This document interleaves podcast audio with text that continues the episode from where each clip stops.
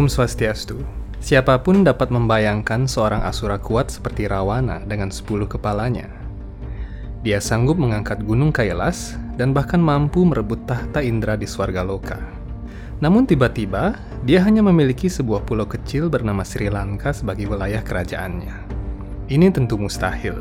Nyatanya, wilayah kekuasaan Rawana kala itu mencakup hingga 90% permukaan bumi mulai dari Janastana yang berbatasan langsung dengan kerajaan Kosala milik Sri Rama, kemudian Pragyutisa yang kini menjadi Turki, dan bahkan hingga ke benua Amerika, tempat di mana Rawana mendapat sebagian besar pasokan emasnya. Jika benar, hal ini pasti memicu munculnya banyak pertanyaan. Apakah sebutan benua Amerika dalam Weda? Siapa yang berkuasa di sana tatkala Rawana berkuasa di Sri Lanka? Dan apakah kebudayaan kuno Amerika memiliki hubungan dengan peradaban Weda? Mari kita mencoba membahas semua pertanyaan tersebut dalam video kali ini. Sebelum berlanjut, ada baiknya jika Anda yang belum berlangganan dan menyukai konten-konten kami, memberikan sedikit semangat kepada kami dengan cara mengklik tombol subscribe di bagian bawah. Dan ikuti terus channel YouTube Hindu Times untuk mendapatkan berbagai informasi yang unik dan menarik mengenai peradaban suci Weda. Anda juga dapat mengunjungi situs web kami pada link yang tercantum di kolom deskripsi untuk menikmati artikel majalah Hindu Times secara gratis.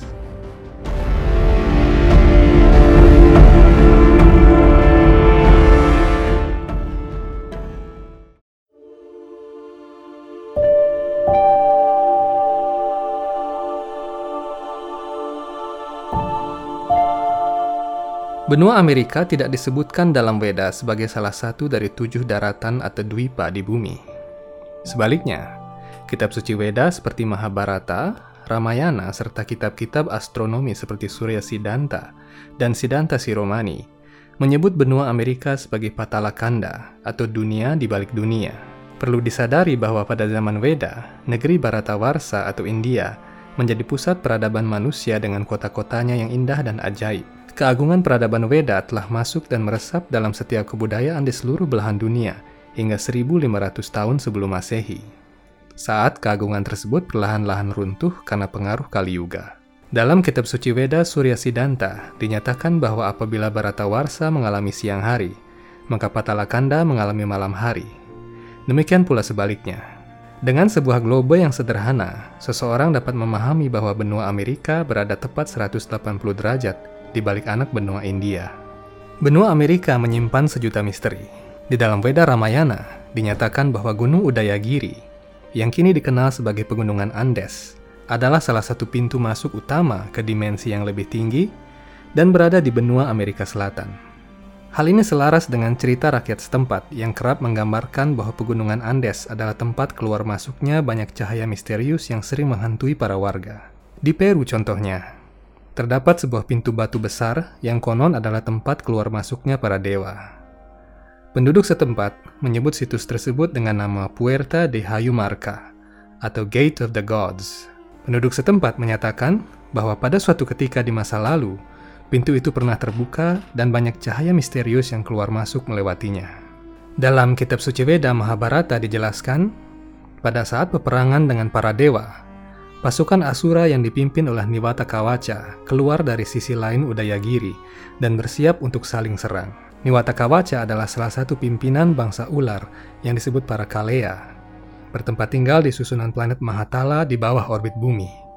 Tak heran suku-suku natif Amerika seperti Maya, Aztec, dan Inca memuja dewa ular berbulu yang dikenal dengan nama Quetzalcoatl. Di beberapa tempat, dewa ini dikenal dengan nama Kukulkan, yang dikisahkan kerap mengunjungi mereka pada zaman dahulu dan meminta persembahan berupa jantung manusia setiap awal tahun saat matahari memasuki garis balik utara. Pada saat kerajaan Spanyol datang dan menyerang ibu kota kekaisaran Inca di Cusco, Peru, pada abad ke-16, mereka terpukau dengan suku-suku setempat yang mengenakan perhiasan emas di sekujur tubuh mereka. Hingga napas terakhir sebelum mereka semua dibantai, Penduduk Inka tak pernah menyebutkan dari mana mereka mendapatkan emas sebanyak itu.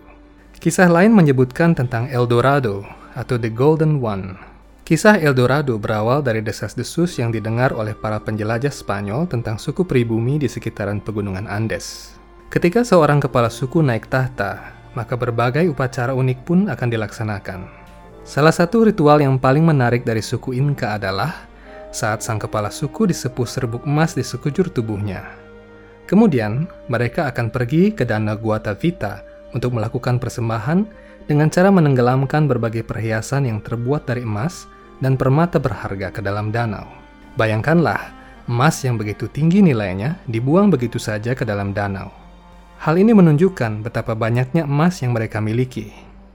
Bahkan, Beberapa versi cerita mengatakan bahwa dinding-dinding kuil di kota mereka dilapisi emas pada suatu waktu. Pertanyaan besar pun muncul.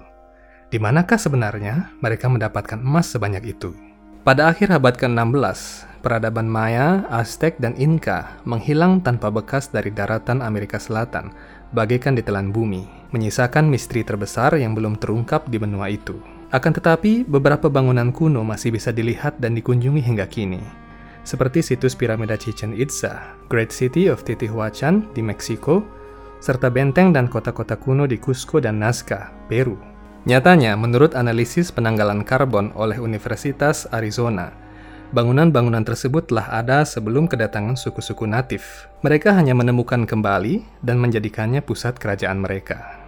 Situs-situs piramida di Amerika Tengah dan Amerika Selatan telah menjadi bahan perdebatan para arkeolog sejak pertama kali ditemukan pada abad ke-19. Keanehan pertama terletak pada struktur bangunan yang terbuat dari batu-batu besar dan disusun tanpa perekat dengan susunan yang nyaris sempurna. Lain lagi ketika para ahli astronomi didatangkan. Mereka menemukan bahwa tata letak tiga piramida di Giza, Mesir, memiliki kemiripan dengan yang ada di Teotihuacan, Meksiko. Srila Prabhupada, acara terbesar Hindu abad modern, memberikan petunjuk mengenai masa lalu benua Amerika tatkala beliau menyebarkan ajaran Veda di Meksiko pada tahun 1970. Mengutip dari catatan sejarah Ramayana dan berbagai kitab Purana, beliau menyatakan bahwa masa lalu benua Amerika dapat ditelusuri dan digali apabila seseorang mengikuti kisah Mahirawana. Tak banyak keterangan mengenai siapa Mahirawana apabila seseorang hanya mengikuti kisah Walmiki Ramayana saja. Babak sejarah mengenai Asura penyihir dari daratan Amerika kuno ini muncul pada kisah Kritiwasi Ramayana dari India Selatan. Memang tak bisa dimungkiri bahwa sebagian besar kisah Ramayana terjadi di India Selatan. Sehingga wajar apabila banyak dari kisah-kisah minor yang dicantumkan oleh para acarya terpercaya dari perguruan rohani Weda berbasis di India Selatan seperti Sri Ramanujacharya dan sebagainya. Menurut Kritiwasi Ramayana, Mahirawana adalah salah satu adik Rawana selain Wibisana, Kumbakarna, dan Surpanaka. Ia memerintah di Patalakanda sebagai seorang asura yang memiliki kekuatan sihir tingkat tinggi. Mahirawana menyimpan daya hidupnya di lima nyala lilin dan diletakkan di tempat yang berbeda. Dia hanya bisa ditaklukkan apabila seseorang meniup kelima lilin itu secara bersamaan. Bagi para penyihir yang hebat, menyimpan daya hidup dalam benda-benda tertentu adalah suatu tradisi untuk menjaga badan mereka agar tetap awet muda dan sulit dibunuh. Layaknya Lord Voldemort dalam Harry Potter, yang menyimpan jiwanya di benda-benda seperti cincin, ular, cawan, dan sebagainya. Dalam kisahnya, setelah melihat kekalahan putra sulungnya Meganada atau Indrajit, Rawana mulai cemas dan meminta bantuan Mahirawana untuk menculik Sri Rama dan Laksmana lalu membunuh mereka dan mengorbankannya kepada Dewi Mahakali.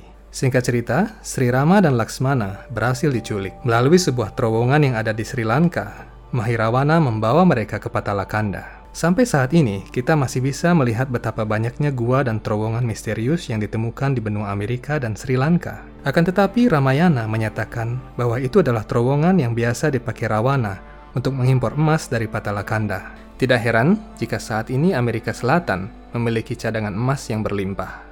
Setelah Hanuman berhasil masuk ke ibu kota Patalakanda, beliau melihat bangunan-bangunan yang berkilauan terbuat dari emas. Kota ini rupanya menjadi legenda besar benua Amerika Selatan hingga abad-abad selanjutnya. Reruntuhan kota Mahirawana yang tersembunyi di pedalaman hutan kemungkinan besar diketahui oleh suku setempat sehingga mereka bisa mendapatkan emas tanpa harus menambang. Kota ini bisa saja adalah The Lost City of Gold atau El Dorado yang banyak dicari oleh para penjelajah dan disalahartikan sebagai El Dorado yang sebenarnya lebih menunjuk pada sang kepala suku yang bersepuh emas. Hanuman bertemu dengan Dewi Mahakali dan mengatakan segala hal yang terjadi. Dewi Mahakali berteriak marah dan berkata bahwa beliau tidak bisa membiarkan pujaannya, yaitu Sri Rama, menjadi korban. Atas petunjuk Dewi Mahakali, Hanuman dapat menemukan kelima lilin tempat daya hidup Mahirawana disimpan.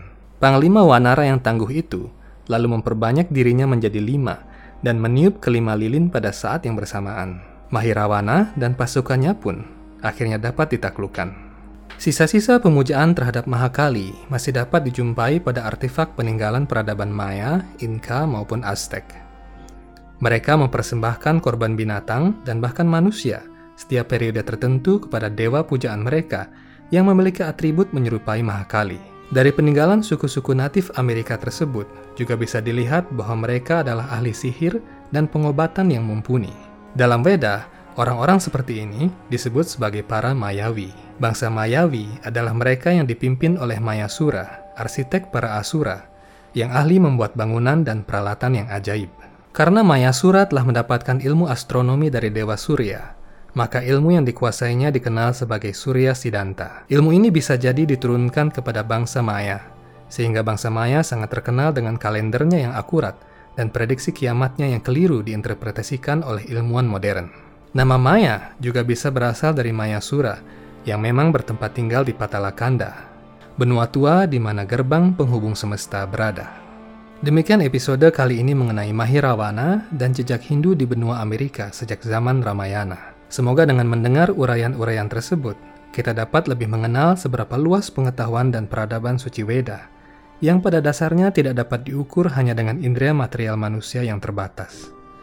Dengan adanya penjelasan tersebut, kita juga mendapatkan sedikit jawaban bahwa peradaban Weda tidak hanya berkembang di Baratawarsa atau India saja, namun juga di tempat yang tidak pernah kita pikirkan sebelumnya. Sampai jumpa di episode-episode yang akan datang. Tentunya juga dengan deretan informasi yang semakin berkembang dan menarik untuk diikuti.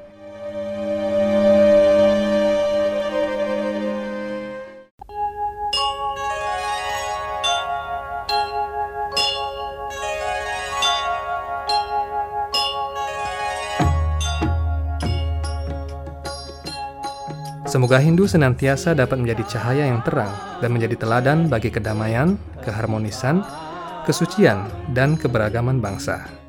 Om Santi Santi Santi Om.